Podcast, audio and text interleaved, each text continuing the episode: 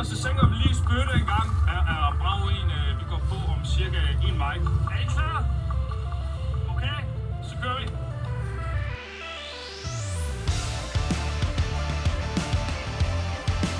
Velkommen til Try the Mind podcast. Podcasten, hvor vi hellere vil fejle os fremad, end at leve livet i frygt for det ukendte. For de bedste ting i livet er på den anden side af frygt. Velkommen til.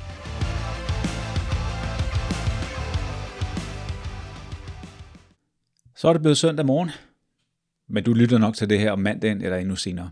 Men for mig er det søndag morgen, og velkommen til afsnit 16 af podcasten. Og i dag, der har jeg døbt afsnittet Christians Lille, hvad kan du blive? I kender sikkert godt bogen, hvad kan du blive for politikken? Men i dag, der kører vi altså Christians Lille, hvad kan du blive? Med fokus på politiet og forsvaret. Jeg skal nok komme ind på, hvorfor jeg gør det her, og jeg skal nok også komme ind på, hvorfor jeg har valgt at gøre det på denne her måde. Men inden vi går i gang med alt det, så vil jeg blot sige, at jeg arbejder stadigvæk fremadrettet og hårdt på at få en masse spændende gæster ind. Mange af de mennesker, jeg gerne vil have ind, det er det, jeg kalder verdensmennesker. Det vil sige, at de har hele verden som deres arbejdsplads. Og det gør, at de logistiske udfordringer i forhold til at sætte sig ned og tage den her samtale, de kan være lidt svære nogle gange. Lad os bare sige det på den måde. Der sker mange ting i verden.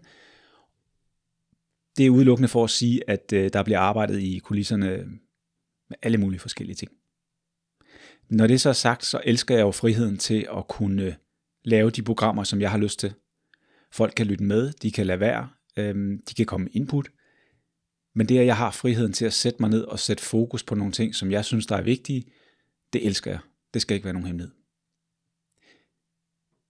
Lad os prøve at, at, at tale lidt om, hvorfor at, øh, jeg fik ideen til at lave det her program, hvor vi skal sætte lidt fokus på de positive ting, der er ved arbejdet i politiet og i forsvaret. I torsdags befandt jeg mig i en mellemstor dansk by sammen med min ældste datter. Vi sad i en bil, og på et tidspunkt så hører jeg et skrig, kigger ud af ruden, og ser så en cyklist, der brager direkte ind i en trailer, fuldt lastet trailer, der er spændt bag ved en bil, det vil sige en klassisk højresvingsulykke øh, på det tidspunkt, der sidder jeg her i bilen sammen med min, min datter og er i gang med at spise noget mad, så hun får øh, maden over et skødet, og så løber jeg så ud og er en af de første, der er fremme ved stedet. Og jeg har set masser af de her ulykker før, ofte som den person i patruljevognen, der kom først frem på stedet. Ikke så tit, man som politimand ser ulykkerne sker. Men jeg vil så sige, det sker så også en gang imellem. Men den her, der var jeg allerede på de 20 sekunder, det tog mig at nå frem, der var jeg allerede mentalt i gang med at forberede mig. Den mentale parathed. Jeg brugte simpelthen de 20 sekunder på lige at først og fremmest køre alle mine rutiner igennem, som jo er blevet lidt rustne, fordi jeg ikke er operativt aktiv mere. Så der var lige nogle ting, der skulle støves af på de 20 sekunder. Det indrømmer jeg gerne. Jeg kommer frem til ulykkestedet og kan se, at ulykken den er stanset, i hvert fald også i forhold til, at vi ikke skulle blive ramt af andre biler i det her lyskryds. Så det, der er sket, det er, at øh, der kommer en cyklist kørende mod et lyskryds. Der er grønt for bilerne, og der er grønt for cyklisten. Bilen foran hende laver et øh, højre sving, og øh, det går så stærkt, så hun kan på ingen måde nå at undgå, og knaller så med fuld fart ind og rammer traileren bag på bilen, men ikke nok med, at hun rammer traileren, hun får på en eller anden måde så vredet cyklen, så hun ryger ind under traileren, og det er sjældent særlig godt. Da jeg når over, der er de i gang med at hive hende ud, så vi skal lige have ro på og finde ud af, om hvad der er til skadekomst. Det, der er interessant ved den her historie, det er noget af det, der foregår efterfølgende, som faktisk har inspireret mig til at lave det her afsnit af podcasten. Så relativt hurtigt er der nogle mennesker fremme, og får hjulpet den her pige. Jeg laver mest det, som jeg gør på sådan nogle ulykkesteder, det vil sige, at jeg danner mig et overblik. Øhm, det er vigtigt nogle gange, at man ikke tager for hurtige beslutninger. Der er allerede nogle andre, der er i gang med at ringe 112, for at få noget hjælp frem, så jeg koncentrerer mig primært om at have det store overblik, og sørge for, at den her pige får noget psykisk førstehjælp. Så jeg sætter mig simpelthen ned og holder hende om ryggen, og nusser hende på armen. Det er noget, som de til skadekommende finder afslappende, at der er andre mennesker, der rent faktisk godt tør at røre ved dem, når de er kommet til skade. Det er meget grænseoverskridende, når det er mennesker, man ikke kender, men det er noget, jeg har lært i mit arbejde i politiet, at det er enormt vigtigt.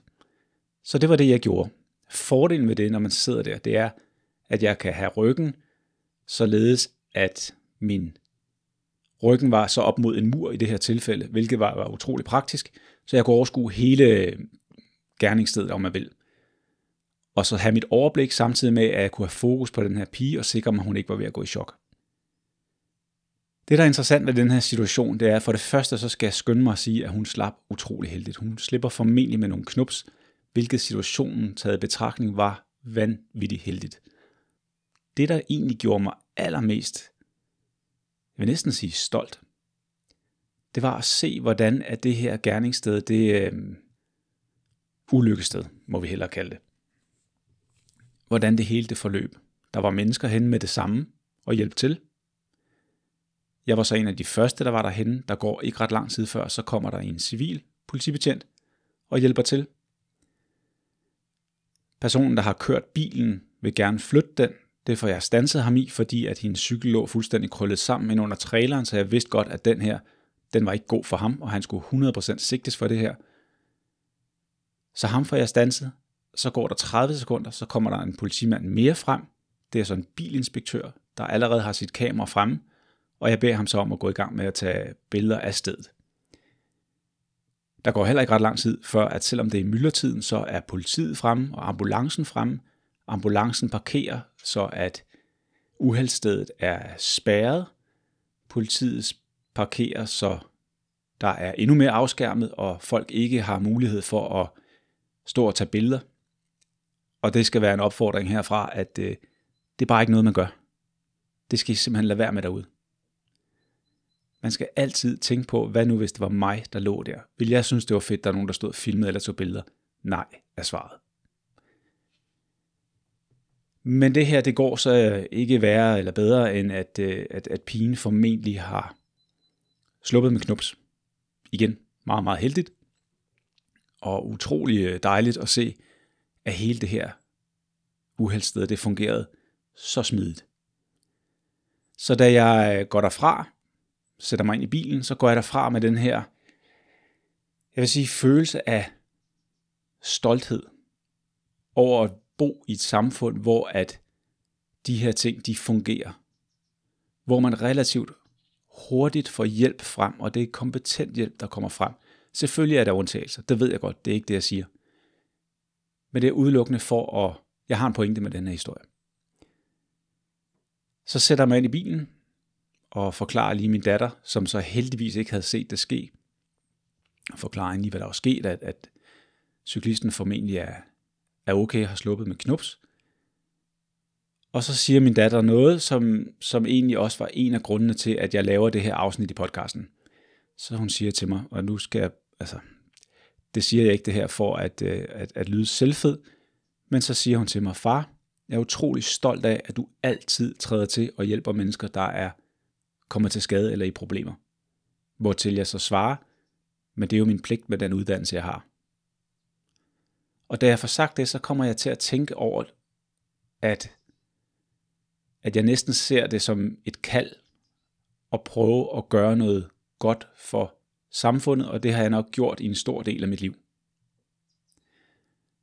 Og så kom jeg til at tænke på, da vi kørte hjem, at jeg sad og spekulerede over det her. Og så tænkte jeg, det er egentlig utroligt trist, det her med, at jamen for det første, jeg ved, at politiet har problemer med at få ansøgere, og jeg forstår det godt. Jeg forstår det godt med de arbejdsvilkår, betjentene bliver øh, budt, osv. osv. For nylig var jeg inde og kigge på forsvarets hjemmeside, på ledige stillinger.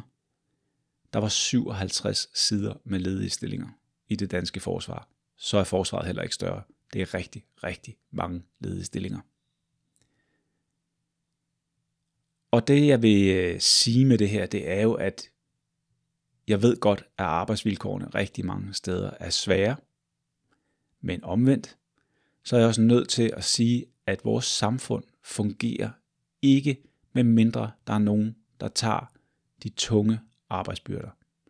Om det er som skraldemand, om det er som sygeplejerske, som læge med 24 timers vagter på en skadestue, politimand, brandmand, redder osv. videre. Der er nogen, der skal lave arbejdet. Den er ikke længere, ellers hænger vores samfund ikke sammen. Jeg forstår godt, at der er unge mennesker derude, der synes, det er enormt tillokkende at kunne øh, tage sig en hurtig uddannelse. Vi kunne tage IT-branchen som et eksempel. Jeg ved ingenting om den. Jeg sidder nu og udtaler mig om noget, som jeg strengt taget ikke ved noget om, udover hvad jeg har hørt. Fordi de lønniveauer, der er der, de er bestemt noget andet end det, jeg kommer fra. Men jeg forstår godt, det er tillokkende at kunne tage en uddannelse og så gå ud og tjene rigtig mange penge fra start af. Problemet er bare, at det er ikke sådan, samfundet hænger sammen. Der er nogen, der skal lave det arbejde. Jeg tror, at noget af det, vi skal til at gøre lidt op med, det er det her, som, som jeg bestemt er skolet med, at, at når man træder ind i et job som eksempelvis, nu tager vi et eksempel, politiet, sygeplejerske, så er det for livet. Men det er det ikke mere, fordi samfundet har taget nogle helt andre drejninger. Det er de færreste mennesker, der bliver i de her jobs resten af deres liv. Og det er okay. Det er okay. Vi er bare nødt til som samfund, at vi kan ikke uddanne folk og så tænke, de bliver her i 20, 25, 30 år. For det gør de ikke. Og det er sådan, det er. Så den virkelighed må vi forholde os til. Når det er så sagt, så mener jeg faktisk, at vi alle sammen har et ansvar i samfundet for at hjælpe til at yde noget. Og jeg mener ikke kun at yde ved at betale skat, yde på nogle andre områder. Om det er frivilligt arbejde eller hvad det er. Jeg tror bare, det er vigtigt med den arbejdsmangel, der er lige i øjeblikket, at vi kigger lidt anderledes på tingene, og at vi prøver at tage lidt ansvar på vores skuldrene i forhold til det her med at, at, at gøre en forskel for samfundet. Fordi lige nu går det ikke den rigtige vej. Grunden til, at jeg så vælger at lave det her, det er, fordi jeg prøver nu i dag, i og med, at jeg har fundet ud af, at min lytterskare, den drejer sig utrolig meget over mod yngre lyttere, hvilket jeg er simpelthen så glad for. Det skal ikke være nogen hemmelighed. Men det gør også, at jeg føler mig lidt forpligtet til at,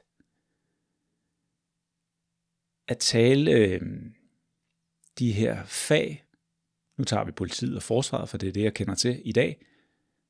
Og på sigt får jeg formentlig nogle gæster ind, der taler om andre fag.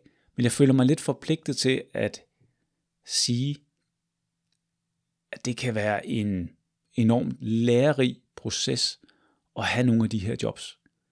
Man udvikler sig mentalt på så mange områder, og det behøver jo ikke at være en karriere for livet. Det er fedt, når nogen vælger at være officerer, eller konstabler, eller sygeplejersker, fængselsbetjente resten af deres liv. Det, det synes jeg, altså stor, stor respekt for det. Men som jeg sagde før, samfundet ændrer sig. Folk bliver kortere og kortere tid i deres stillinger, og skal prøve noget nyt. Men det skal jo ikke afholde en fra at blive politibetjent, eller nogle af alle de andre ting, jeg har, har snakket om. Så derfor i dag, så vil jeg prøve at tale om nogle af de positive ting, som jeg selv har oplevet. Og for dem, der kender min baggrund og har læst min bog osv., så, videre, så ved I også godt, at jeg har betalt en høj pris for, for mit arbejde, for de ting, jeg har gjort. Og jeg vil have gjort det hele om igen i morgen. Det skal ikke være nogen hemmelighed. Det har ikke været let, men det har godt nok været givende på så mange områder. Det skal ikke være nogen hemmelighed. Lad os prøve at starte med at kigge på politiet. Jeg har stadig noget tilknytning til politiet, i og med, at jeg så sent som for nogle måneder siden har været ude og holde foredrag for flere af de store stationer i Danmark kender stadig øh, masser af politifolk og har kontakt med dem, så jeg har sådan nogenlunde fornemmelse af, hvordan tingene de øh, foregår i politiet. Men jeg ser også et politi, der på en eller anden måde måske er i store udfordringer. Og det har der været fokus på i rigtig, rigtig mange år, det vil sige øh, arbejdsvilkår. Det er jo et problem, når man uddanner folk, der er dyre i uddannelse, og så de øh, forlader stillingen efter, lad os sige, 4-5 år. Det tal jeg bare lige ud. Jeg ved, jeg ved ikke, hvad, hvad, hvor hurtigt folk de forlader politiet, men jeg kan se på LinkedIn, hvor jeg er connected med rigtig mange tidligere politifolk. Jeg kan godt se, at der er mange, der, øh, der bliver kortere tid i faget. Og det forstår jeg godt. Men i dag der sætter vi fokus på nogle af de positive ting, som jeg eksempelvis har lært i politiet. Så ganske kort, så startede jeg min uddannelse i 2003. På det tidspunkt varede den fire år.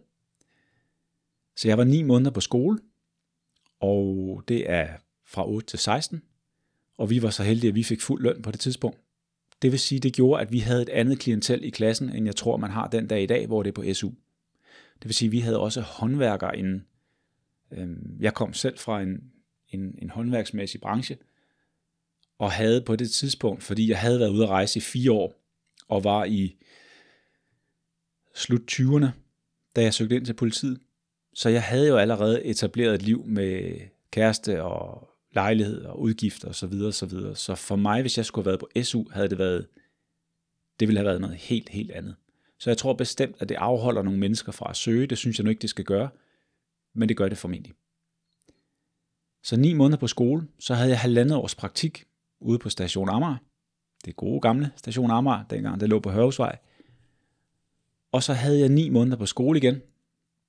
Så var jeg ude på en station bagefter, og så til sidst var jeg så indkaldt i det, der hed beredskabsafdelingen dengang, hvor at vi lærte at håndtere det, man kalder anholdelse af farlig gerningsmand, det vil sige indtrækningskoncept, hvor man rykker ind som gruppe i eksempelvis en lejlighed, for at få fat i en person med et våben, alle mulige forskellige situationer. Så det brugte vi meget tid på at blive uddannet i, og så brugte vi rigtig, rigtig meget tid på demonstrationer og håndtering af demonstrationer. Indsatskonceptet for demonstrationer, det var på det tidspunkt, hvor der kørte øh, al balladen med ungdomshuset og Christiania osv. osv. Så det var stort set det eneste, vi lavede. Hvis jeg lige skal hoppe tilbage til min halvanden år i praktik på Station Amager, så var det struktureret dengang på en måde sådan så, at man indgik på et vagthold, sideløbende med alle mulige andre, på alle forskellige tidspunkter af døgnet, og samtidig havde man så nogle uddannelsesperioder. Eksempelvis så havde jeg tre måneder i, øh, i det, der hed nærpolitiet, hvor jeg havde en fan, jeg havde nogle fantastiske ledere derinde, der var super dygtige til at motivere os, synes jeg. Blandt andet så fik vi lov til at være med i et jeg husker tydeligt at være med i en gruppe, der på det tidspunkt fokuserede på højresvingsulykker, meget apropos egentlig øh, det, jeg sagde i starten, hvor der på det tidspunkt var en overrepræsentation af kvinder i de her øh, ulykker. Og det er jo ikke særligt 2023-agtigt at, at hive kvinderne frem i et negativt fokus, men jeg er bare nødt til at sige, kvinder, I er overrepræsenteret i de her højresvingsulykker blandt cyklister. Det skal I simpelthen lade være med. Anyways, det havde vi fokus på i den her gruppe, og vi endte faktisk med at komme ind i ministeriet og, og fremlægge det her projekt. Men sideløbende med det, der havde jeg så nogle ledere, der faktisk gav os en frihed til at lave det, vi gerne ville ved siden af projektet. Og jeg husker tydeligt, at vores leder, han var, han vidste godt, at vi var nogle unge fyre, der godt ville ud og lave noget, noget rigtigt politiarbejde. Så han sagde til os, hvis I passer jeres projekt og sørger for, at vi får lavet noget ordentligt, vi kan fremlægge i ministeriet, så resten af jeres tid, der kan I gøre, hvad I vil, bare der kommer resultater på bordet. Og det gjorde der. Så vi fik øh, en masse frihed til at lave nogle rigtig, rigtig fede ting i de tre måneder. Og det var en af afdelingerne. En anden afdeling, jeg tilbragte tre måneders praktiktid i, det var i det, der hed sekretariatet. Sekretariatet i politiet, det er en kontrolinstans, forstået på den måde, at når en politimand skriver sin rapport, så ryger den til sekretariatet. Det gjorde den i hvert fald dengang. Jeg ved ikke, hvordan det er nu. Og sekretariatet laver så en kvalitetskontrol af det, man har lavet. Og det er en rigtig, rigtig god idé, fordi når man sidder på en nattevagt og skal skrive en rapport, og det er sidst på natten, så kan jeg bare sige, man er ikke så super skarp. Det er rigtig godt at få nogle, at få nogle eksterne øjne på, som kan rette stavefejl osv. osv. Dispositioner, hvad det nu end er, man har lavet forkert. Og det er jo fordi det her, det skal fremlægges i retten. Så selvfølgelig og der, og der er menneskers liv er involveret i det her, så det er vigtigt, at der er kvalitetskontrol på, for at sikre, at det, der bliver fremlagt, det er lavet ordentligt. Jeg tænkte med det samme, at det ville blive min stille død at sidde tre måneder ved et skrivebord i sekretariatet og rette andre menneskers sager. det var det på mange måder også. Det skal ikke være nogen hemmelighed, fordi alle, der kender mig, ved godt, at det der med at, at, at placere mig bag et skrivebord, det er måske ikke verdens bedste idé. Jeg kan sagtens, og en stor del af det, jeg laver i dag, det foregår jo også bag et skrivebord, men der har jeg sådan en anden frihed. Men det er en anden snak. Men det var enormt lærerigt at sidde i sekretariatet og få alle de her sager ind. For det første, fordi jeg sad jo og kiggede på mine kollegaers arbejde, og de lavede det samme arbejde som mig, men nogle gange så kunne jeg se, at der var nogle ting, de var måske dårligere til end mig, og så var der ting, de var bedre til end mig. Så ved at sidde og læse alle de her rapporter, så lærte jeg jo noget hele tiden om mine egne evner eller mangel på samme. Og det var rigtig, rigtig lærerigt. Derudover så, som sagt, så indgik jeg i, i den daglige patruljetjeneste, hvilket også var enormt spændende. Og så havde jeg tre måneder i efterforskningsafdelingen, og det var også det var en blanding af skrivebordsarbejde og så køre ud og lave primært afhøringer. Og det kunne være, jeg havde alt fra indbrud til voldssager, voldtægtssager osv. osv. Så det var også meget en blandet landhandel. Det skal ikke være nogen hemmelighed. Så hvis vi skal tilbage til noget af de her positive ting, som jeg har lært igennem både uddannelsesforløbet og arbejdet i politiet, så er det, at jeg har givet mig nogle kvalifikationer, nogle, nogle læringer, som jeg har brugt meget, meget ofte i det daglige, og efter jeg har forladt politiet. Jeg vil faktisk næsten sige, at det er efter jeg har forladt politiet, at jeg er blevet opmærksom på, hvor mange kompetencer det egentlig gav mig. Og det er næsten dagligt, at blandt andet køreuddannelsen, den, øh, den virkelig har gjort en forskel for mig. Politiets køreuddannelse er super fed. Det er jeg simpelthen nødt til at sige. Man lærer at køre bil på en rigtig, rigtig fed måde. Men frem for alt så lærer man det fra bunden af. Ligesom at når man tager kørekort og er på kravlebanen, så lærer man også i politiet at køre bil på en måde, som, hvor man starter fra bunden af, og så får bygget det langsomt op. De køreegenskaber, og jeg ved godt, jeg har talt om det før, men de køreegenskaber, jeg lærte af mine instruktører for rigsfærdselen i politiet, fuldstændig fænomenale. Og, og jeg kan sige, at jeg den dag i dag er i live gange mange, udelukkende på grund af de ting, som de instruktører, de lærte mig. Jeg sad faktisk i går, der var jeg ude og køre med en, med en flok teenager, der blandt andet, hvor en af dem var ved at, at tage kørekort, og der sad vi og snakkede om nogle af de her ting. Og et helt konkret eksempel på, hvordan køreuddannelsen reddede øh, undertegnet og, og min familie på en skiferie, det var, at vi, vi kommer kørende oppe i Sverige. Der ligger rigtig meget sne. Og så passerer vi en skovstrækning, hvor at der er de her skilte, hvor der står elge. Altså en elgeadvarsel. Og så kører man en strækning, og så ophører den her eladvarsel, og så tror man, alt er godt. Vi kommer kørende, vi kører med 90 km i timen, der er sne på vejen, og så kan jeg se ud af øjenkrogen, ud over marken til højre, der kommer der en elg løbende. Jeg når at tænke ind i mit hoved, at jeg vidste, at der minimum lå halvanden meter sne på den mark. Jeg kunne også se, at der var en grøft, hvor der i hvert fald lå samme mængde sne. Så jeg når at tænke op i mit hoved, den el når aldrig frem til vejen, før vi er langt forbi. Og vidderligt, sådan her, så er den el foran bilen. Og jeg har stadig det her billede af de her store ben og hovedet, der kigger ind i bilen. Og jeg havde, jeg havde køreuddannelse nok til at have hørt de her historier om, hvordan at de her elge, deres tyngdepunkt ligger højt, så når de rammer bilen, så, så vipper benene, og så rydder overkroppen. Den rydder simpelthen hele kabinen. Og det er ikke særlig godt, når der sidder mennesker derinde. Det er derfor nogle gange, de har nogle ret voldsomme færdselsuheld i Sverige med de her elge. Men på en eller anden måde, så reflekt, sådan rent instinktivt får jeg lavet de her bremse undvig manøver, som vores instruktør havde tæsket ind i hovedet på os under køreuddannelsen. Og jeg kan faktisk huske, at vi må lige trække ind til siden bagefter. og min hustru bare kigger over på mig og lige tager fat i mit lår og siger, godt kørt. Og jeg sidder lige i 30 sekunder og, og, og sunder mig, inden at vi, vi kører videre. Ikke? Men det er bare for at give et eksempel på, og jeg har, jeg har utallige af de her eksempler, hvor den der uddannelse, den har, har virkelig, virkelig øh, gjort noget godt for mig. Så det er, nogle af de, det er nogle af de her positive ting, som jeg synes nogle gange, at, at, at man ikke, det hører man måske ikke så meget om. Men selvfølgelig har der også været, der har været rigtig mange positive oplevelser i politiarbejdet. Øhm, blandt andet når man anholder en gerningsmand på færds gerning.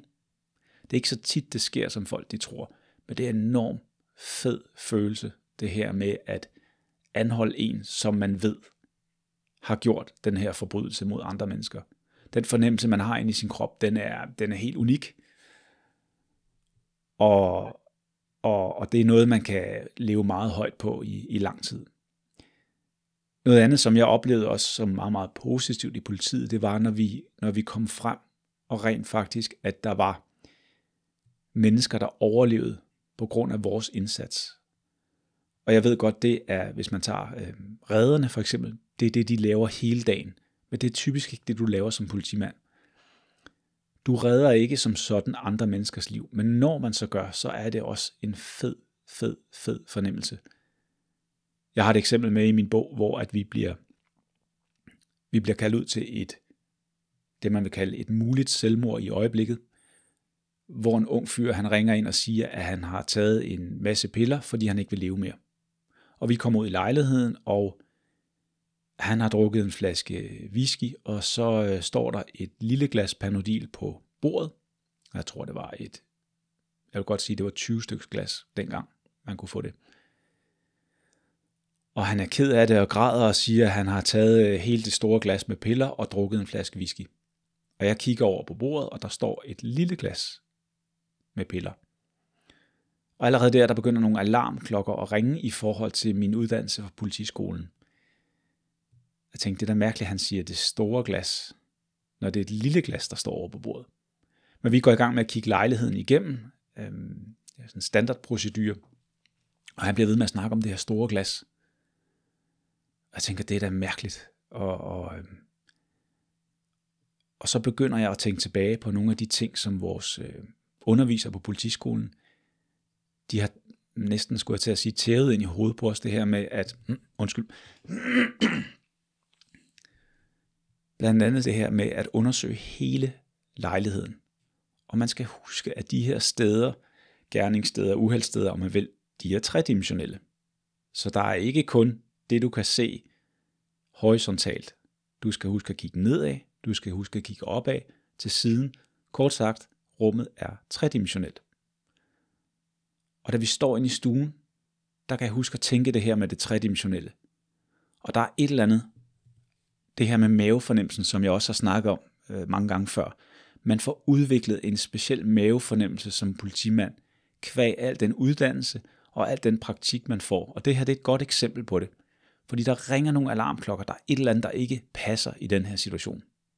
Så jeg begynder at gå rundt inde i stuen og betragte det her sted som tredimensionelt, og så kigger jeg under sofabordet, og der ligger det store pilleglas, og det er tomt. Og det sekund, at jeg hiver det frem, der skvatter den her unge mand ned af sofaen og er helt væk. Så vi får lavet et, øh, det, der hedder et alarmtryk, det vil sige et tryk, hvor at øh, kanalerne bliver ryddet, og man har en direkte adgang til radiooperatøren. Det er typisk noget, man bruger, når man enten står i sådan en situation som den, vi stod i der, har brug for akut hjælp, eller man er i knibe. Men vi får trykket alarmtrykket og rekvireret en ambulance, og så går vi så i gang med at slæbe ham her ned af trapperne. Og det, der så er så vildt, og der er vi egentlig tilbage også til det, jeg fortalte i starten med, hvor effektivt vores beredskab det på mange områder er i Danmark. Da vi træder ud af lejligheden, der er ambulancen kommet. Det var imponerende, og han overlevede. Øhm, og det er endnu en af de her oplevelser, som jeg tænker tilbage på og tænker, wow. Og selvfølgelig er der også de modsatte oplevelser. Der er også de oplevelser, hvor man kommer ud, og folk dør mellem hænderne på en. Det har jeg også prøvet. Det er ikke særlig sjovt. Men det skaber en, det former en, og det giver en nogle, nogle, nogle redskaber, som man kan bruge resten af livet. Og det synes jeg er, det, det synes jeg virkelig, virkelig kan noget. Om man så vælger at tage uddannelsen og blive der nogle år, eller man vælger at blive der resten af livet, det tror jeg, vi skal prøve ikke at fokusere så meget på. Jeg tror mere, at vi skal fokusere på det her med, at okay, hvis jeg gør de her ting, så yder jeg noget til samfundet.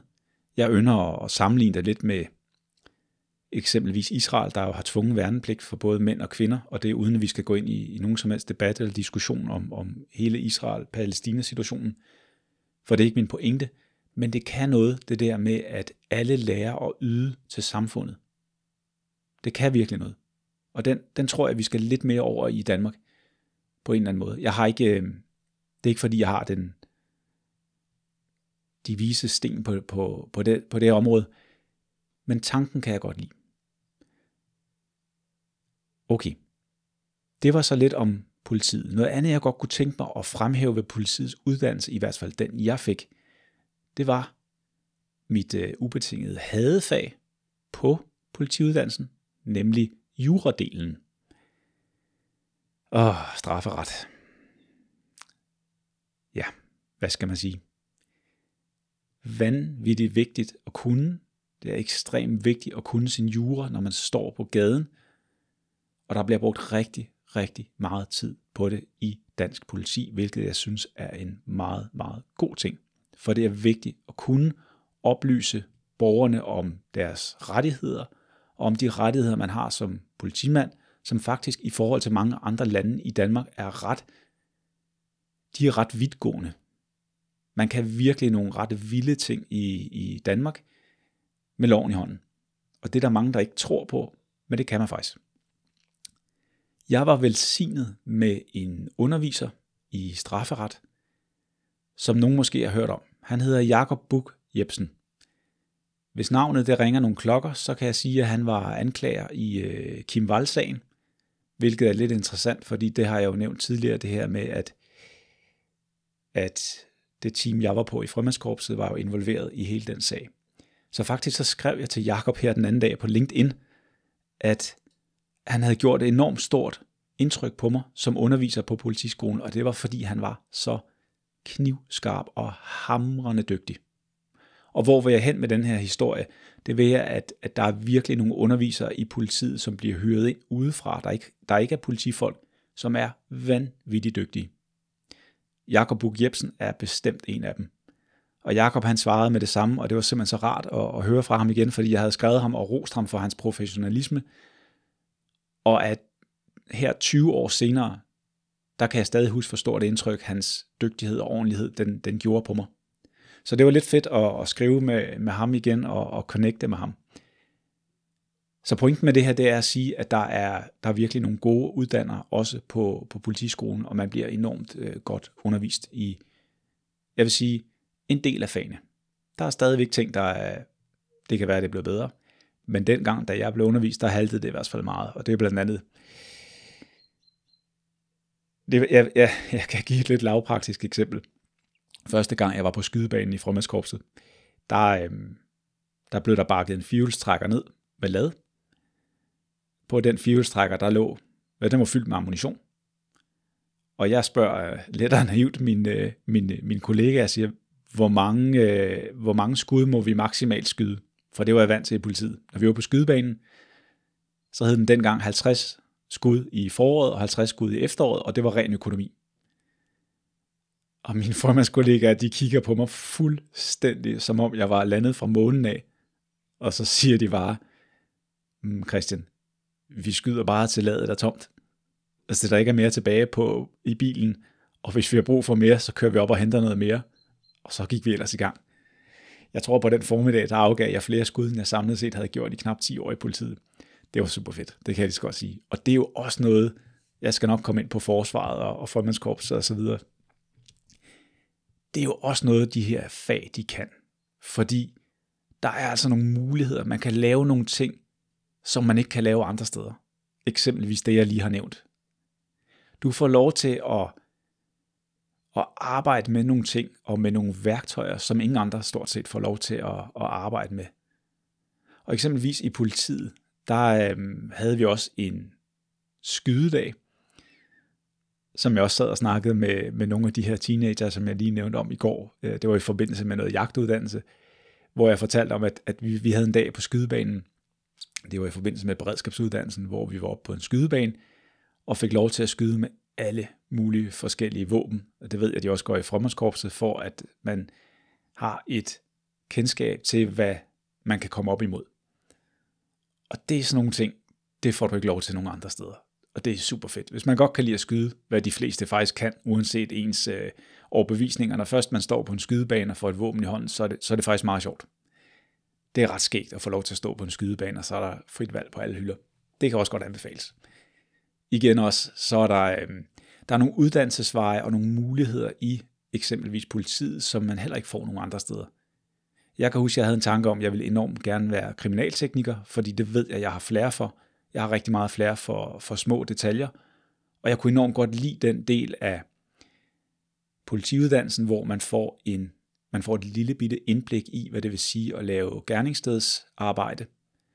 Det er, for dem, der ikke ved, hvad det er, så er det jo, lad os tage en drabsag, så er det de billeder, I ser i fjernsynet, hvor at hele huset, hvis det foregår i et hus, bliver spærret af, og så går der de her mennesker ind og ud i hvide dragter med mundbind og handsker på. Det er kriminalteknikerne. Jeg tror, jeg kan våge pelsen og sige, at Danmark nok har nogle af verdens bedste kriminalteknikere. De er vanvittigt dygtige. Da jeg ikke har arbejdet som kriminaltekniker, så har jeg ikke et fuldt indblik i alt, hvad de kan. Men jamen, jeg så sige, alligevel så har jeg et nogenlunde indblik i, hvad de kan. Og det er vildt. Det kan jeg bare sige med det samme. Det er så fedt, hvad de kan hive ud af et gerningssted, man, man, man tror, det er løgn. Og de er så metodiske og så dygtige, og de opklarer, undskyld, de opklarer sager, som man tænker, det der, det er, det er noget fra en dårlig tv-serie, men det er det faktisk ikke, så dygtige er de. Det, det er meget, meget imponerende. Så det er jo også en mulighed, politiet. Så er der jo, jeg kender flere, der har været færdselsbetjente, og synes, at det var det fedeste i verden at få lov til at køre motorcykel hele dagen. Også køre motorcykel under nogle specielle vilkår og, nogle, og en helt særlig motorcykeluddannelse. Og igen, der er jeg tilbage til det der med, hvor dygtige de mennesker er, der uddanner en i politiet. Nu snakkede jeg om køreinstruktørerne før, og det var i bil. De er jo lige så dygtige, dem der uddanner sig motorcykel. Så det er også bestemt en, en, en mulighed, hvis man kan lide at køre motorcykel. Der er jo den her frihed, som alle motorcyklister de snakker om det er så nok en frihed, som jeg ikke, jeg har ikke motorcykelkørekort, så det kan jeg ikke udtale mig om. Jeg har den frihed, når jeg løber. Det er en helt anden snak. Men, men det, det kan bestemt også noget. Så er der hundefører. Det at være hundefører i politiet, der har mange, der måske ikke er klar over, at hundeførende, og nu udtaler jeg mig noget, som, som, som jeg heller ikke ved nok om, så jeg skal nok prøve ikke at, at slagte hundeførende fuldstændig. Men, men de har jo deres hund med hjemme, og de bruger enormt meget tid sammen med den her hund, og det er jo en familiehund. Og det sekund, den så skal på arbejde, når hundeføreren tager sit arbejdstøj på, så ændrer hunden personlighed. Det er ret fedt at se. Jeg havde en, en kæreste engang, hvis far var hundefører, og det var jo den, den, den dejligste familiehund, den her hund. Det sekund, hendes far tog sin øh, politi-t-shirt på, så ændrede den hund adfærd. Og så skulle man ikke gå i nærheden af den. Jeg har haft stor glæde af hundeførende, når jeg har været på, på gaden. Blandt andet situationer, hvor der har været rigtig mange mennesker, og der har været rigtig dårlig stemning der, at få hundeførende frem med deres hunde. Det kan altså godt lægge en, en dæmper på tingene. Udover de fanger gerningsmænd. Og nogle gange måske kommer til at, at bide dem. Øhm, det kan lyde lidt brutalt, men der kan jo virkelig være, være mennesker, der måske, måske ikke har fortjent at få et lille nap af en politihund. Men det er en anden snak. Det er også en mulighed i politiet. Der er hele efterforskningsdelen, hvor man får lov til at sidde og, og virkelig nørde efterforskning. Også spændende. Øhm, der bliver jo også, der er en stor del af politiet, og det er der mange, der ikke ved, hvor der er civilt ansatte. Det vil sige, at du har folk med særlige kompetencer, der bliver hyret ind til at lave politiarbejde. Det kunne for eksempel være IT. En helt anden del af politiet, det er jo øh, PET, politiets efterretningstjeneste, som de sidste mange år har været udsat for massiv udvidelse. Øhm, de har rigtig, rigtig mange spændende specialafdelinger. Jeg vil ønske, at jeg kunne fortælle om nogle af dem, men det vælger jeg ikke at gøre. kunsten nogle gange, det er, når man sidder inde med noget viden, hvor at jeg ved, at hvis jeg fortæller det her offentligt, så vil gerningsmændene få en fordel. Så derfor så vælger jeg ikke at fortælle om de her ting. Jeg kan bare sige, at inde ved PET, der er også nogle ret vilde muligheder for at lave nogle rigtig, rigtig fede ting. Politiets efterretningstjeneste har jo også en operativ afdeling, der hedder Aktionsstyrken.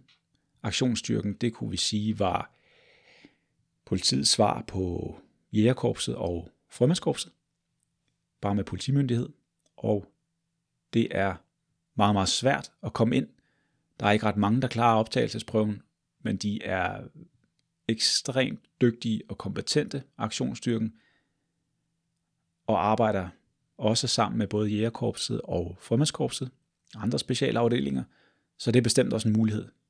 Og øh, inden for, for uddannelse i politiet. Og sådan kunne jeg blive ved og ved og ved. Min pointe med alt det her, det er jo, at der findes mange, mange andre ting, mange andre grene end det, skal vi kalde det, almindelige politiarbejde på gaden. Mange, mange andre typer. Der er også reaktionspatruljerne, som jo primært er koncentreret om at håndtere farlige gerningsmænd, øh, potentielle skoleskyderier osv. osv.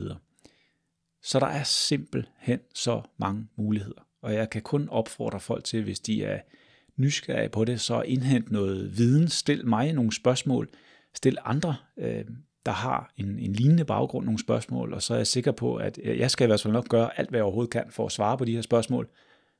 Og hvis folk har brug for at blive øh, guidet, vejledt øh, i en eller anden bestemt retning, så, øh, så skal jeg nok også gøre, hvad jeg kan for at, at hjælpe til. Hvis man har en... Jeg tager lige lidt kaffe. Øjeblik. Det er min podcast, så jeg må godt drikke kaffe. Uanset hvad jeg tænker.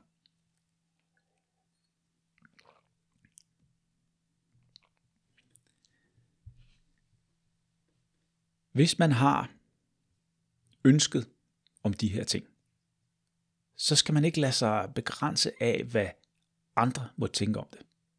Det er der rigtig mange, der gør. Også i forhold til uddannelser. Jeg synes helt klart, man skal give det et skud. Jeg har været velsignet med en, en vis evne til at, at gøre tingene, og måske tænke lidt mindre på, hvad folk de, øh, de tænkte om det. Og det har så gjort, at jeg nu her kan kigge tilbage på et øh, arbejdsliv, som har været så fedt og så spændende. Men det ville det ikke have været, hvis jeg ikke havde grebet nogle af de muligheder, der har været foran mig. Nogle gange har jeg grebet dem, så har udfaldet ikke været så godt, men de fleste gange har jeg grebet dem, og så har jeg ligesom set, hvor det har bragt mig hen af, og så har det givet mig nogle fede, fede, fede oplevelser. Og i forhold til at søge ind i politiet, så ved jeg, at der er mange, der måske har lavet et eller andet, som de er blevet taget for. Noget ulovligt. Og det afholder dem fra at søge.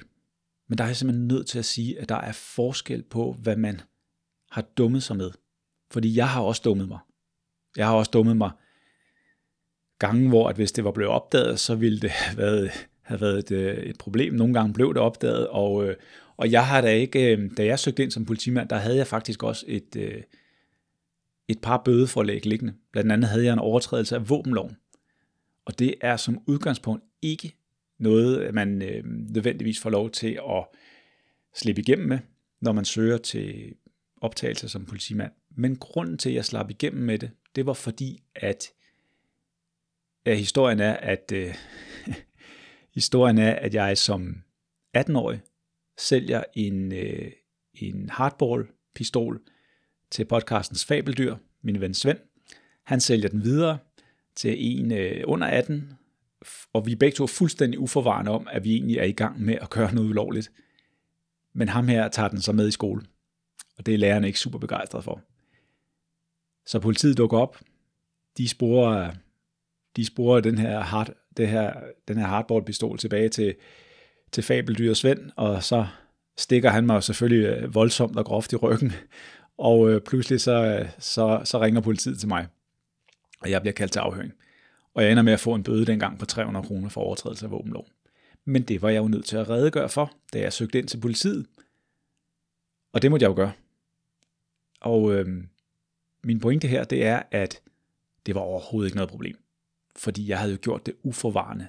Og jeg havde jo ikke bevidst prøvet at skade andre. Det var slet ikke den intention, jeg havde. Jeg solgte mit hardball-våben videre, og, og, og, og længere havde jeg ikke tænkt over det. Så for at sige til dem, der sidder derude, vi har alle sammen dummet os. Der er stadigvæk muligheder for at blive optaget i politiet, forsvaret og alle mulige andre steder. Og jeg vil sige til jer, hvis I sidder og overvejer det, så søg for pokker. Altså, I har ikke noget at miste. I kan kun få et nej. Og hvad så? Så er den afklaret. Hellere få et svar, end at sidde som, lad os tage et eksempel, som 45-årig og tænke, ah, jeg skulle også have prøvet. Nej, prøv for pokker. Du har ikke noget mist. Intet. Men mange mennesker er utrolig bekymrede for, hvad deres omgangskreds vil, vil tænke om dem.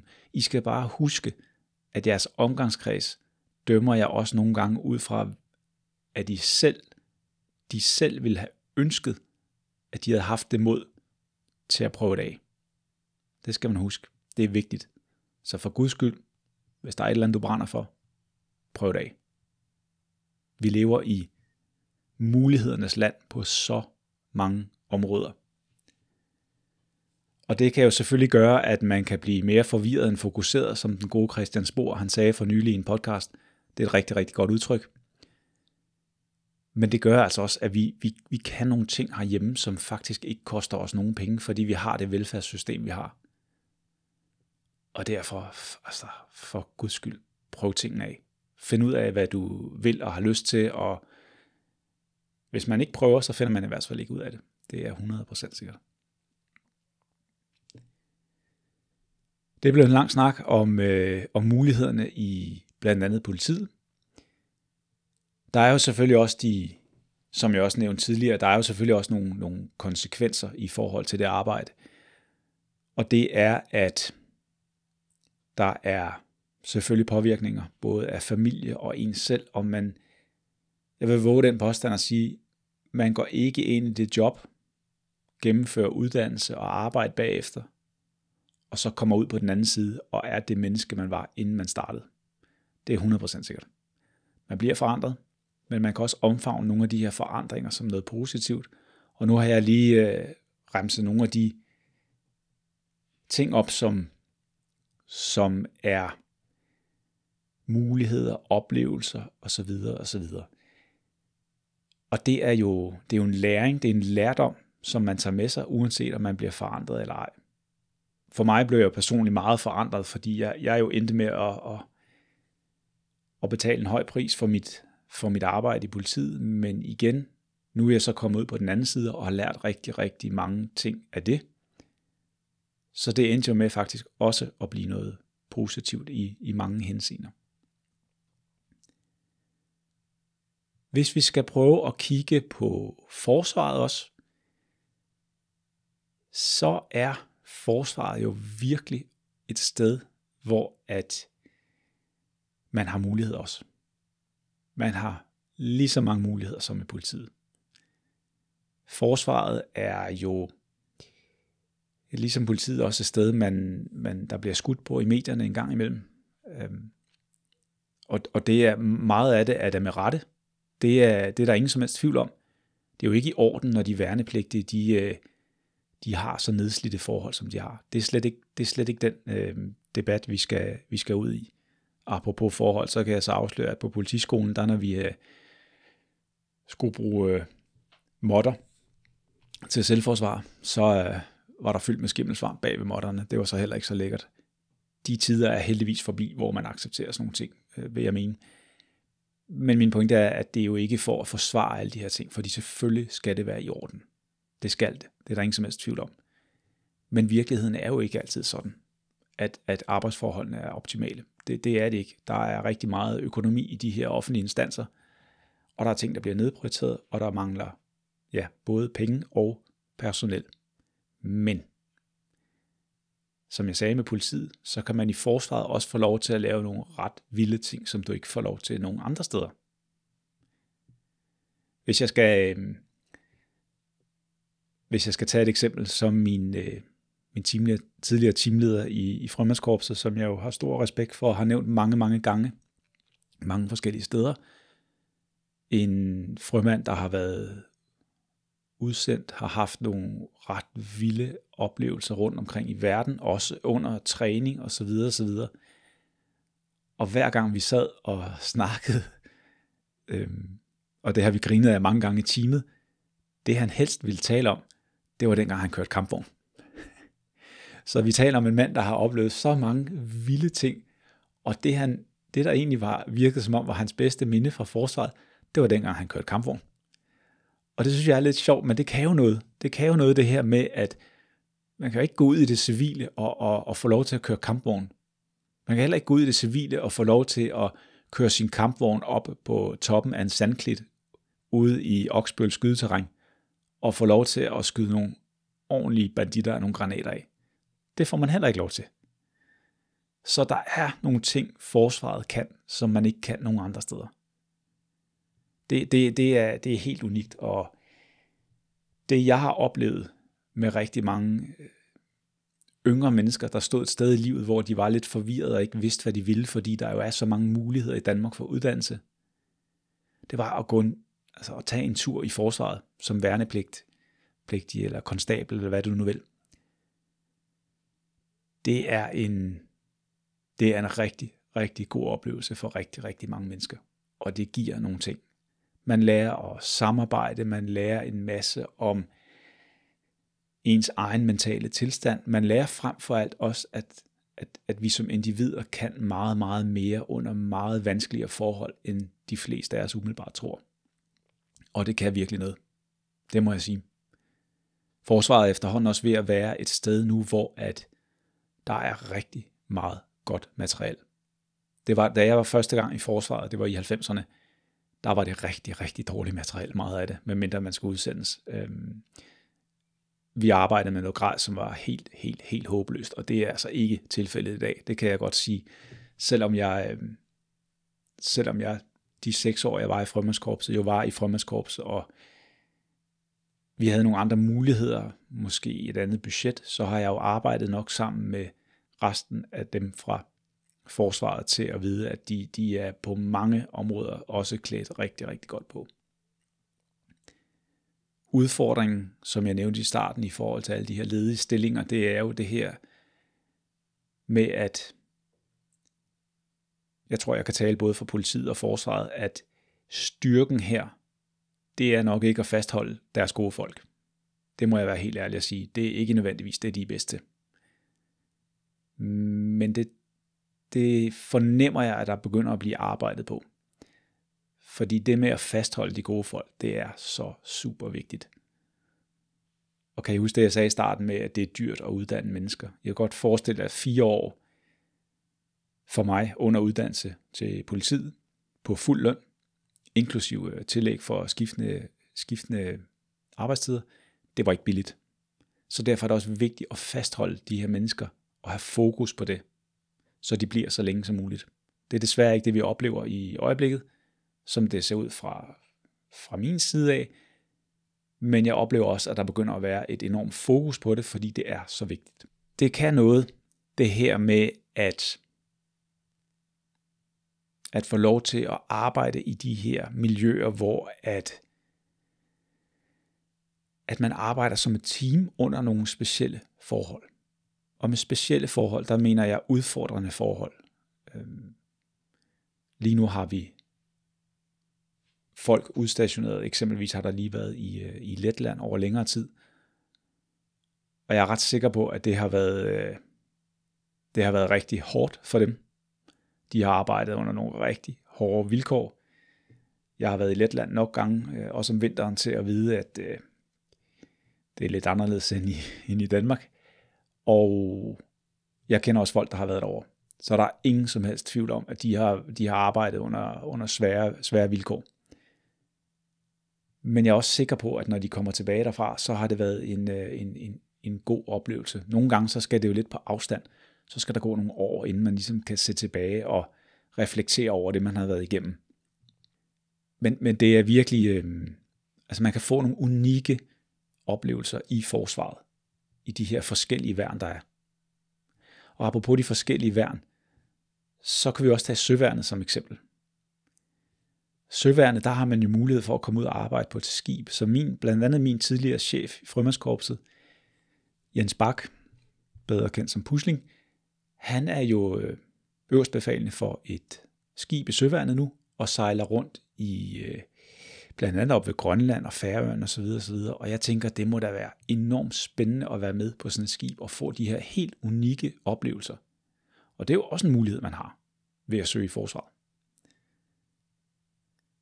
Så er der sådan noget som flyvevåbnet, hvis man gerne vil øh, arbejde med det.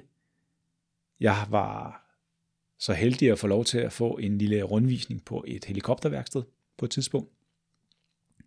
Det er i sig selv en oplevelse at se sådan et værksted, fordi når jeg hører ordet værksted, så tænker jeg jo altid sådan lidt, at så træder jeg ind et eller andet sted, hvor der er oliepletter på gulvet, og værktøjet ligger hulter til bulter.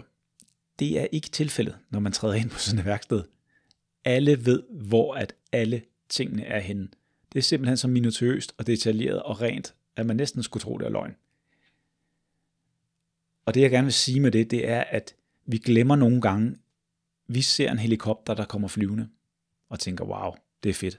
Og jeg har set rigtig mange helikopter, jeg har også siddet i dem, og jeg er stadig dybt fascineret af, af helikopteren som, som arbejdsinstrument. Det er, det er helt fantastisk at, at se dem lette og flyve og sidde i dem, være passager i dem, medmindre at man som mig måske får en, en tur, der var lidt, lidt vildere end forventet.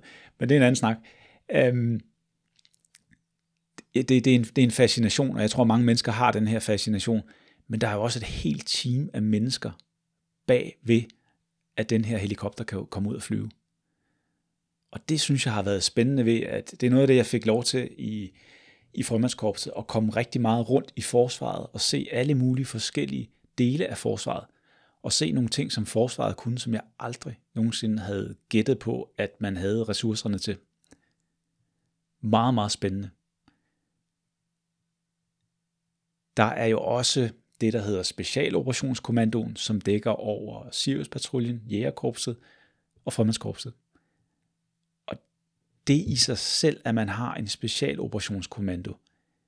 Når vi ser eksempelvis Jægervis, Jæger, Jægerkorpset, Frømandskorpset og Siriuspatruljen udfører et eller andet stykke arbejde, så ligger der jo et enormt netværk af mennesker bag ved det her arbejde. Specialoperationskommandoen kunne være et eksempel. Der er jo rigtig mange i Specialoperationskommandoen, der skal varetage alt, hvad de her forskellige specialoperationsstyrker de laver. Det er et kæmpe, kæmpe arbejde. Også fordi, at arbejdet foregår jo ikke, foregår jo ikke kun i Danmark. Det foregår jo alle mulige steder i verden. Så det er også en mulighed i, i forsvaret, hvis, øh, hvis man kunne være interesseret i sådan noget. Vi har hele materieldelen i forsvaret, forsvarets materielindkøb, FMI. Og der er også nogle meget, meget specielle, meget nørdede stillinger, som, øh, og jeg har mødt mange af dem, der arbejder med det her, og nu siger jeg nørdet, og det mener jeg faktisk positivt.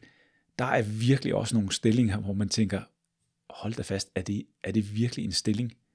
Og de får også lov til at lave en, en, en masse masse spændende og forskellige ting.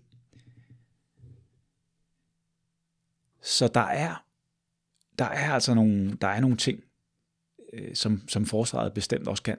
Øhm, det, det, er der, det er der virkelig, ud over den personlige udvikling, så er der masser af karrieremuligheder i forsvaret. Jeg har ikke engang nævnt Forsvarets efterretningstjeneste, øh, bedre kendt som FE, der er jo øh, de seneste år virkelig også har fået øh, fået deres at se til, og, og har det bestemt også i, i øjeblikket med den situation, der er, verdenssituation, der er lige i øjeblikket.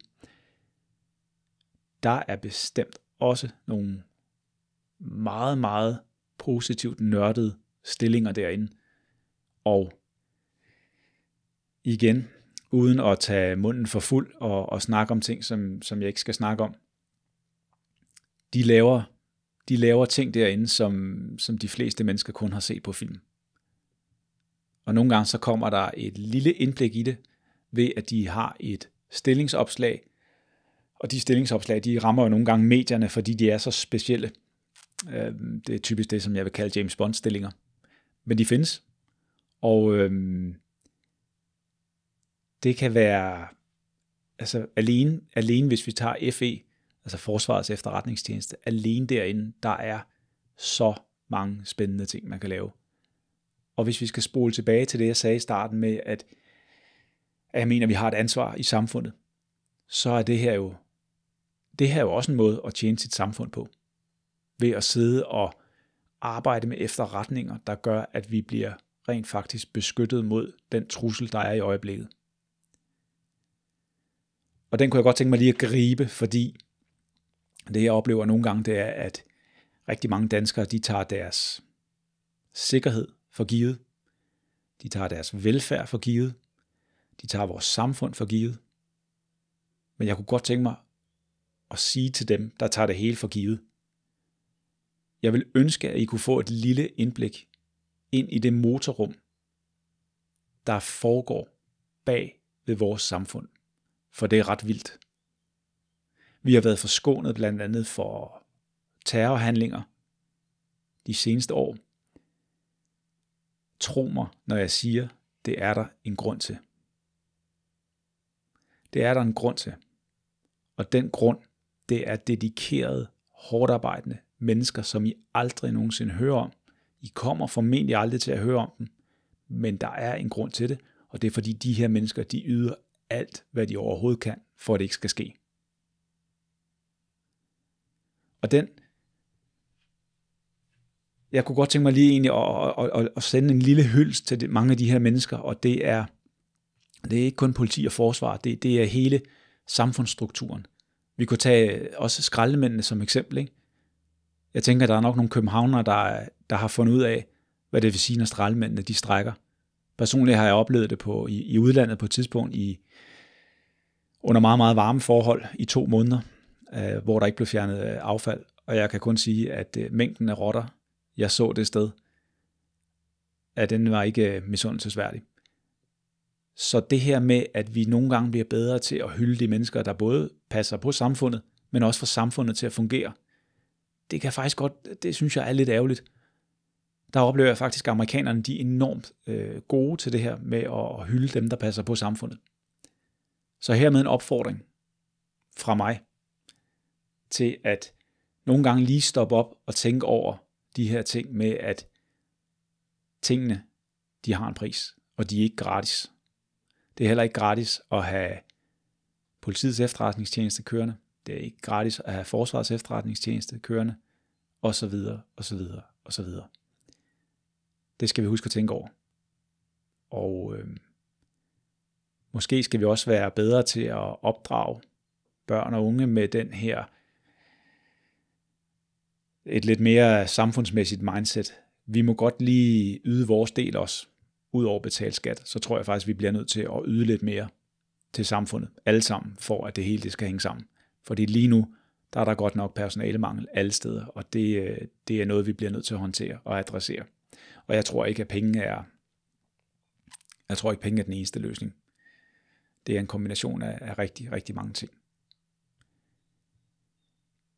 Hvis vi tager lige øh, den del af forsvaret, som jeg naturligvis har haft mest at gøre med, så er det frømandskorpset, og det er jo en specialsektion i forsvaret. Specielt på den måde, at de fleste mennesker, oplever jeg, tror jo, at frømandskorpset det kun er frømænd. Jeg har været ude og tale, og, og, og dem, der kender mig godt og kender min historie osv., ved også, at jeg går enormt meget ud af at sige, at jeg ikke er frømand. Jeg gør faktisk så meget ud af det, så jeg er kommet ud en gang til et foredrag, hvor at jeg stod benævnt som frømand. Som frømand. Og, og jeg endte med at få moderatoren til at ændre teksten foran alle tilskuerne. Og det er simpelthen fordi, jeg går utrolig meget op i troværdighed. Det, der ville ske, hvis jeg havde lavet det stå, det var, at der var nogen, der ville have taget et billede af det. Det billede kunne have cirkuleret, og det billede ville på et eller andet tidspunkt, for det første vil jeg ikke have, at det cirkulerer, at nogen tror, at jeg er frømand, fordi det er jeg ikke.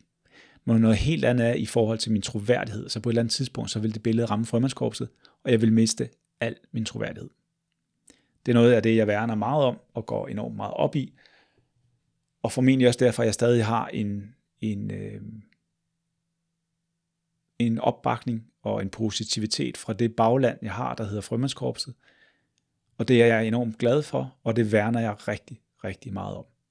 Men det jeg også altid tænker på, det er det her med at prøve at være det positive eksempel, prøve at være det gode eksempel, således at hvis der sidder nogen derude, som overvejer at søge ind i forsvaret, politiet, frømandskorpset, jægerkorpset, hvad ved jeg, så vil jeg godt prøve at være det troværdige eksempel, og prøve at inspirere folk frem for at undervise, således at de måske kan lytte til noget af det, jeg siger, og tænke, okay, det lyder spændende, jeg giver det lige skud. Tilbage til det med, at frømandskorpset er andet end frømænd, fordi det er det bestemt. Frømandskorpset består af en struktur, der hedder selve frømandsdelen, som jo kræver den her helt specielle og mytiske uddannelse.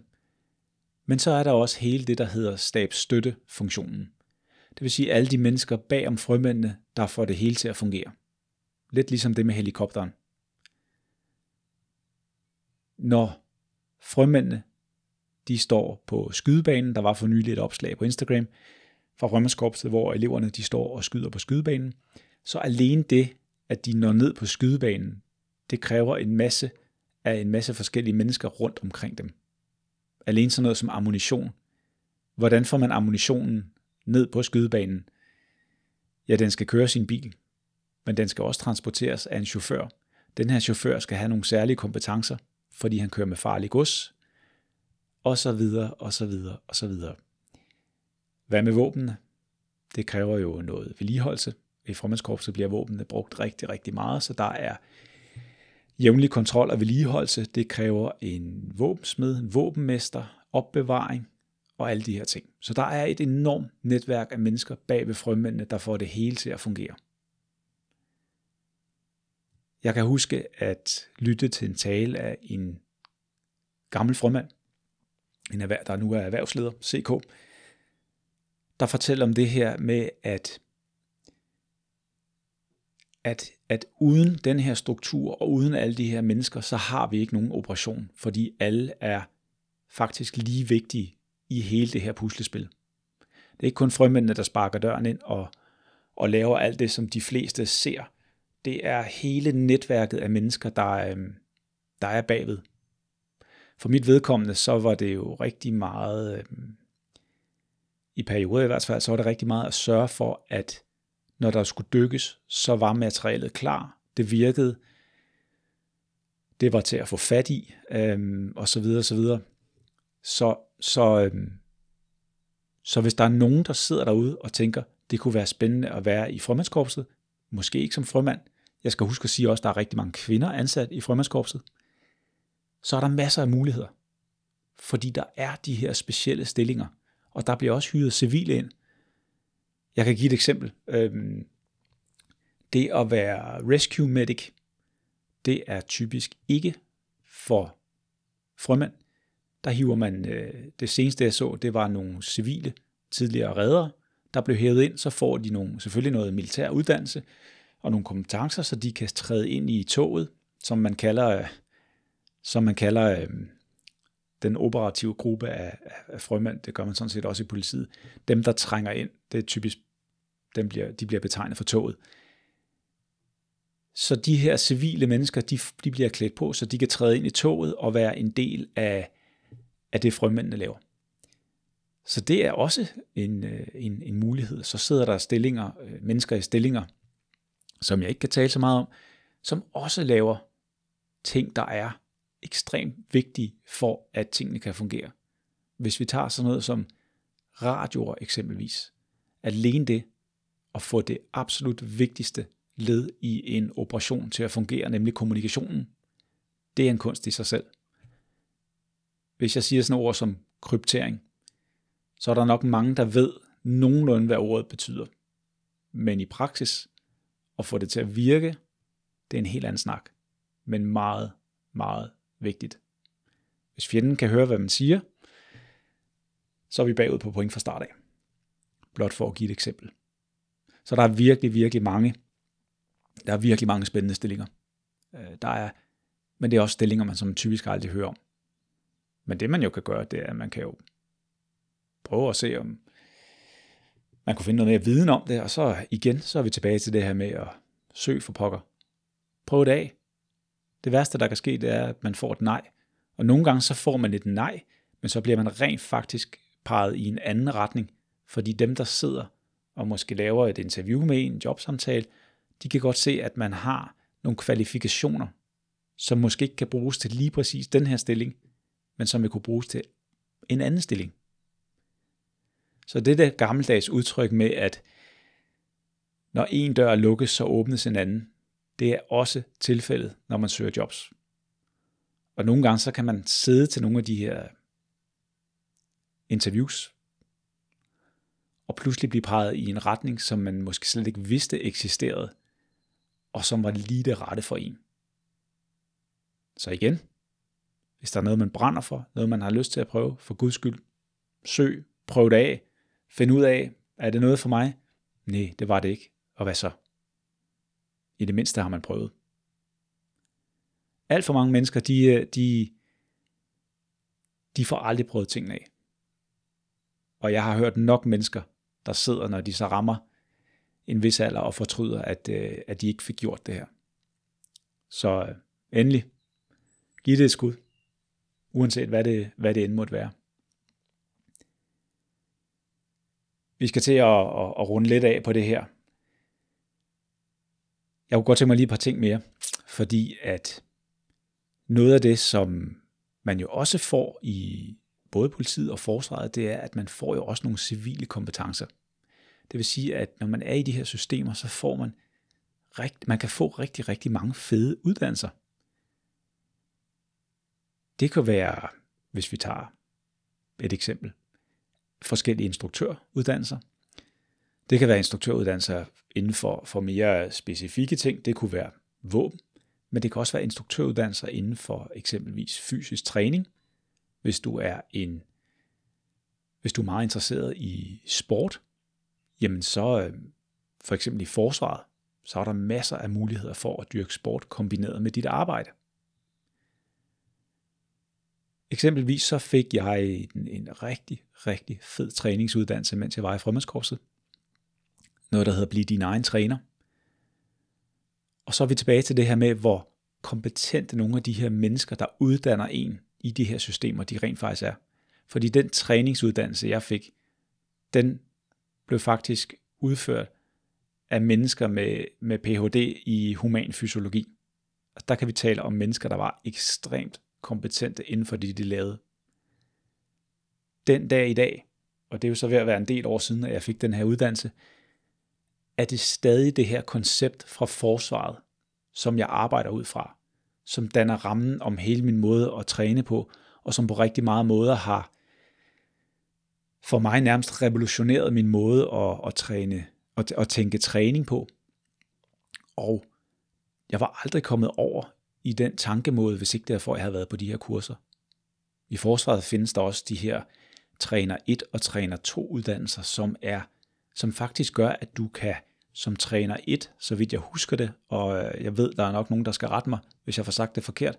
Som træner 1, der kan du træne din, øh, en, en mindre enhed, og som træner 2, der er du helt op og være, der kan du træne hele, hele delinger. Så lad os sige, mellem 20 og 30 mand. Ikke?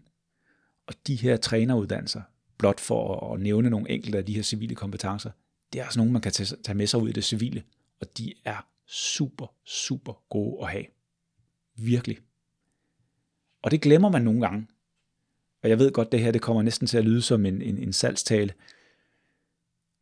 Og guderne skal vide, at hvis forsvaret øh, eller politiet har lyst til at sponsorere podcasten, så ringer I bare. Men det var ikke det, der var meningen.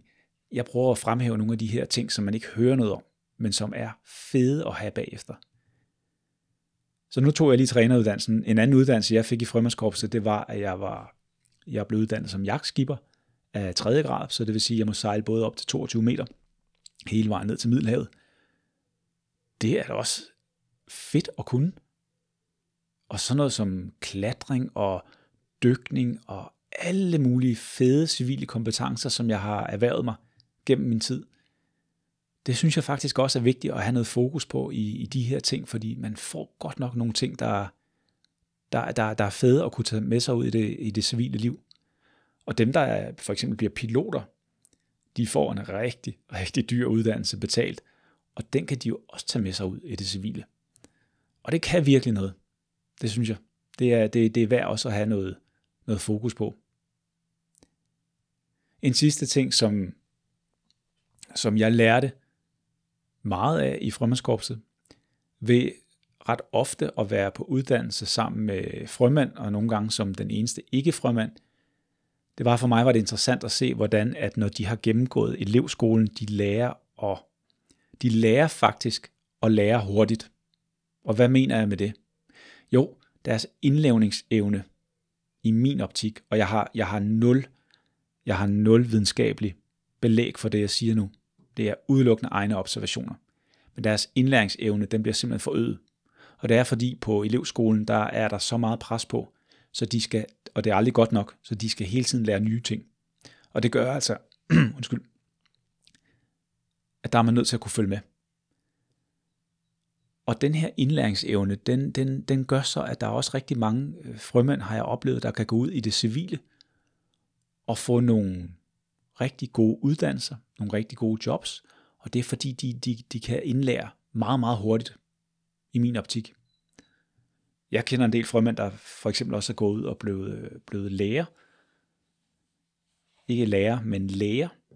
Øh, det mest berømte eksempel på det er vel Hella Jufs mand Snit, der også er tidligere frømand og nu er læge. I øvrigt super, super sympatisk fyr, men det er en helt anden snak. Så det her med at, at sidde på de her kurser sammen med mennesker, hvor indlæringstempoet er ret højt, lærte jeg utrolig meget af. Jeg lærte mest af det, fordi jeg ikke kunne følge med. Og jeg har siddet nogle gange og revet alle de hår, jeg ikke har på hovedet, ud af, af hovedet, fordi jeg ikke kunne følge med.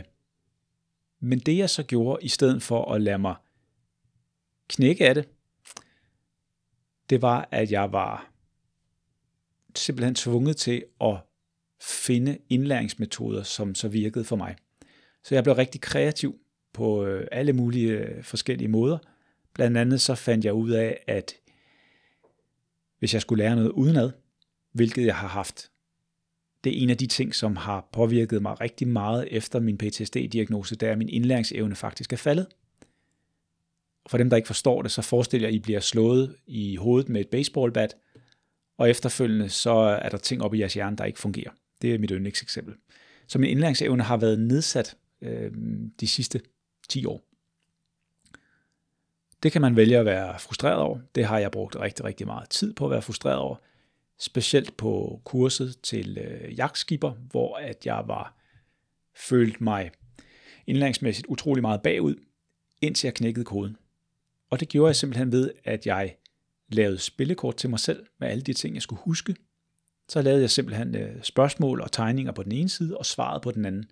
Og så sad jeg derhjemme og tærpede og tærpede og tærpede med de her spillekort, jeg selv havde lavet, og endte med at bestå kurset på nøjagtigt samme øh, vilkår, som, som alle de andre, jeg sad til kurset med. Så det her med den her indlæring, det synes jeg også er, øh, det er også fedt. Men jeg er også mennesker, der godt kan lide at lære alle mulige forskellige ting. Men det har man bestemt også mulighed for i, øh, i de her brancher. Konstant at uddanne sig, konstant at lære, øh, konstant at udvikle sig som menneske. Det synes jeg bestemt også er vigtigt at have fokus på. Men ellers så tror jeg, jeg vil til at runde af. Det her, det var et lidt øh, anderledes afsnit. Det var et afsnit om alle de muligheder, der er inden for, nu tog vi lige politiet og forsvaret specifikt. Jeg satser på fremadrettet, så får jeg nogle andre mennesker ind, der kan fortælle om andre dele af, øh, af det danske samfund, om hvordan det hænger sammen, og hvordan man kan uddanne sig. Men jeg synes, det er vigtigt også at få lidt fokus på, at det ikke det er ikke kun skidt det hele. Der er også nogle helt unikke muligheder, og man får nogle personlige kompetencer og adgang til at lave nogle ting, som man ikke får nogle andre steder. Og, øh, og det kan virkelig, virkelig, virkelig noget. Med disse ord, så vil jeg sige tak for i dag. Vi høres ved i næste uge, og indtil videre, så pas godt på dig selv. Tusind tak for, at du lyttede med. Har du spørgsmål eller kommentarer, skriv gerne til mig via kontaktformularen på min hjemmeside tridentmind.com under fanebladet kontakt. Følg også gerne med på sociale medier. Jeg kan findes på både LinkedIn, Instagram og Facebook. Pas på dig selv, og husk, de bedste ting i livet er på den anden side af frygt. Vi høres ved i næste uge.